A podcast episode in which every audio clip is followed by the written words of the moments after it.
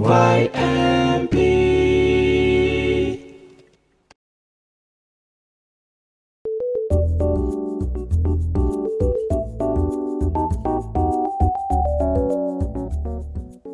teman-teman, selamat datang di 5 Minutes Mena, podcast renungan singkat yang dipersembahkan oleh Pintaros Youth Media Project.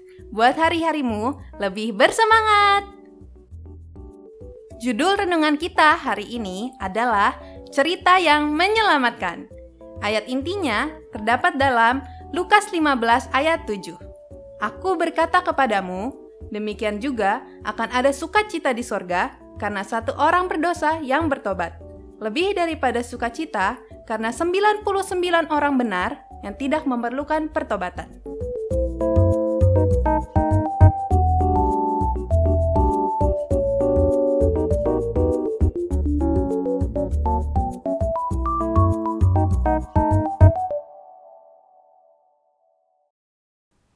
Apakah kalian punya hewan peliharaan yang sangat kalian sayangi?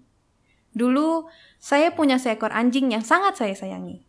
Bertahun-tahun, saya ingin sekali memelihara anjing. Tetapi, tidak pernah diizinkan oleh orang tua saya.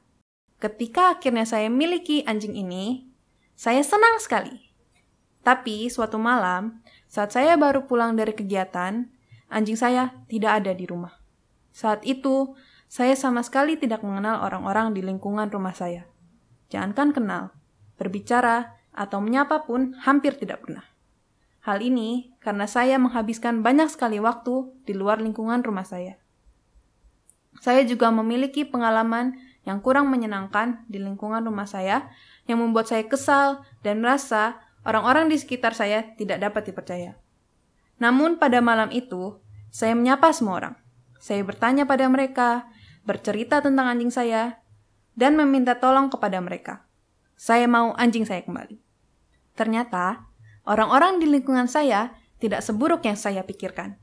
Mereka justru ikut membantu mencari anjing saya di tengah malam. Walau akhirnya anjing saya tidak ditemukan, tapi saya jadi memiliki kepercayaan baru pada lingkungan saya. Saya tidak lagi merasa terancam jika berjalan di sekitar lingkungan rumah saya.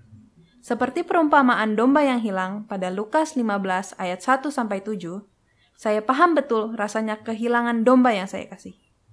Saya melakukan apa pun untuk menemukan domba itu.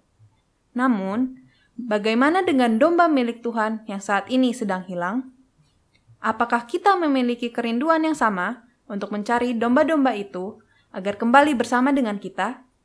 Seperti saya yang mendadak berani untuk menyapa dan bercerita Demi mencari anjing saya, seharusnya kita pun berani untuk mulai menyapa dan bersaksi demi mencari domba Tuhan yang hilang.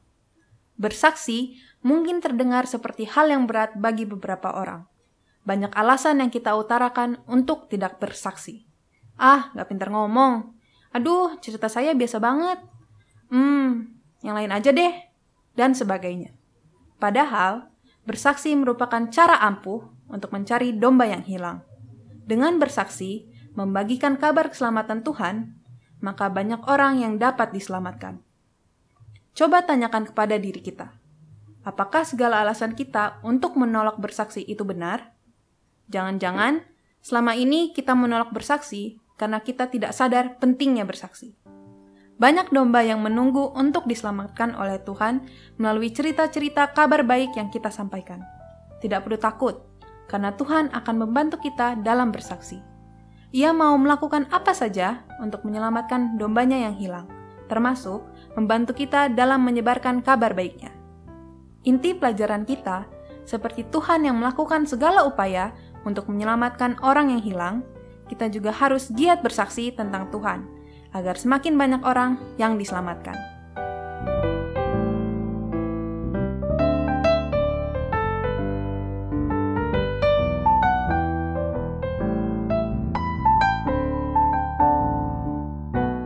Biarlah renungan ini menjadi berkat bagi teman-teman dan menjadi penyemangat hari-harimu.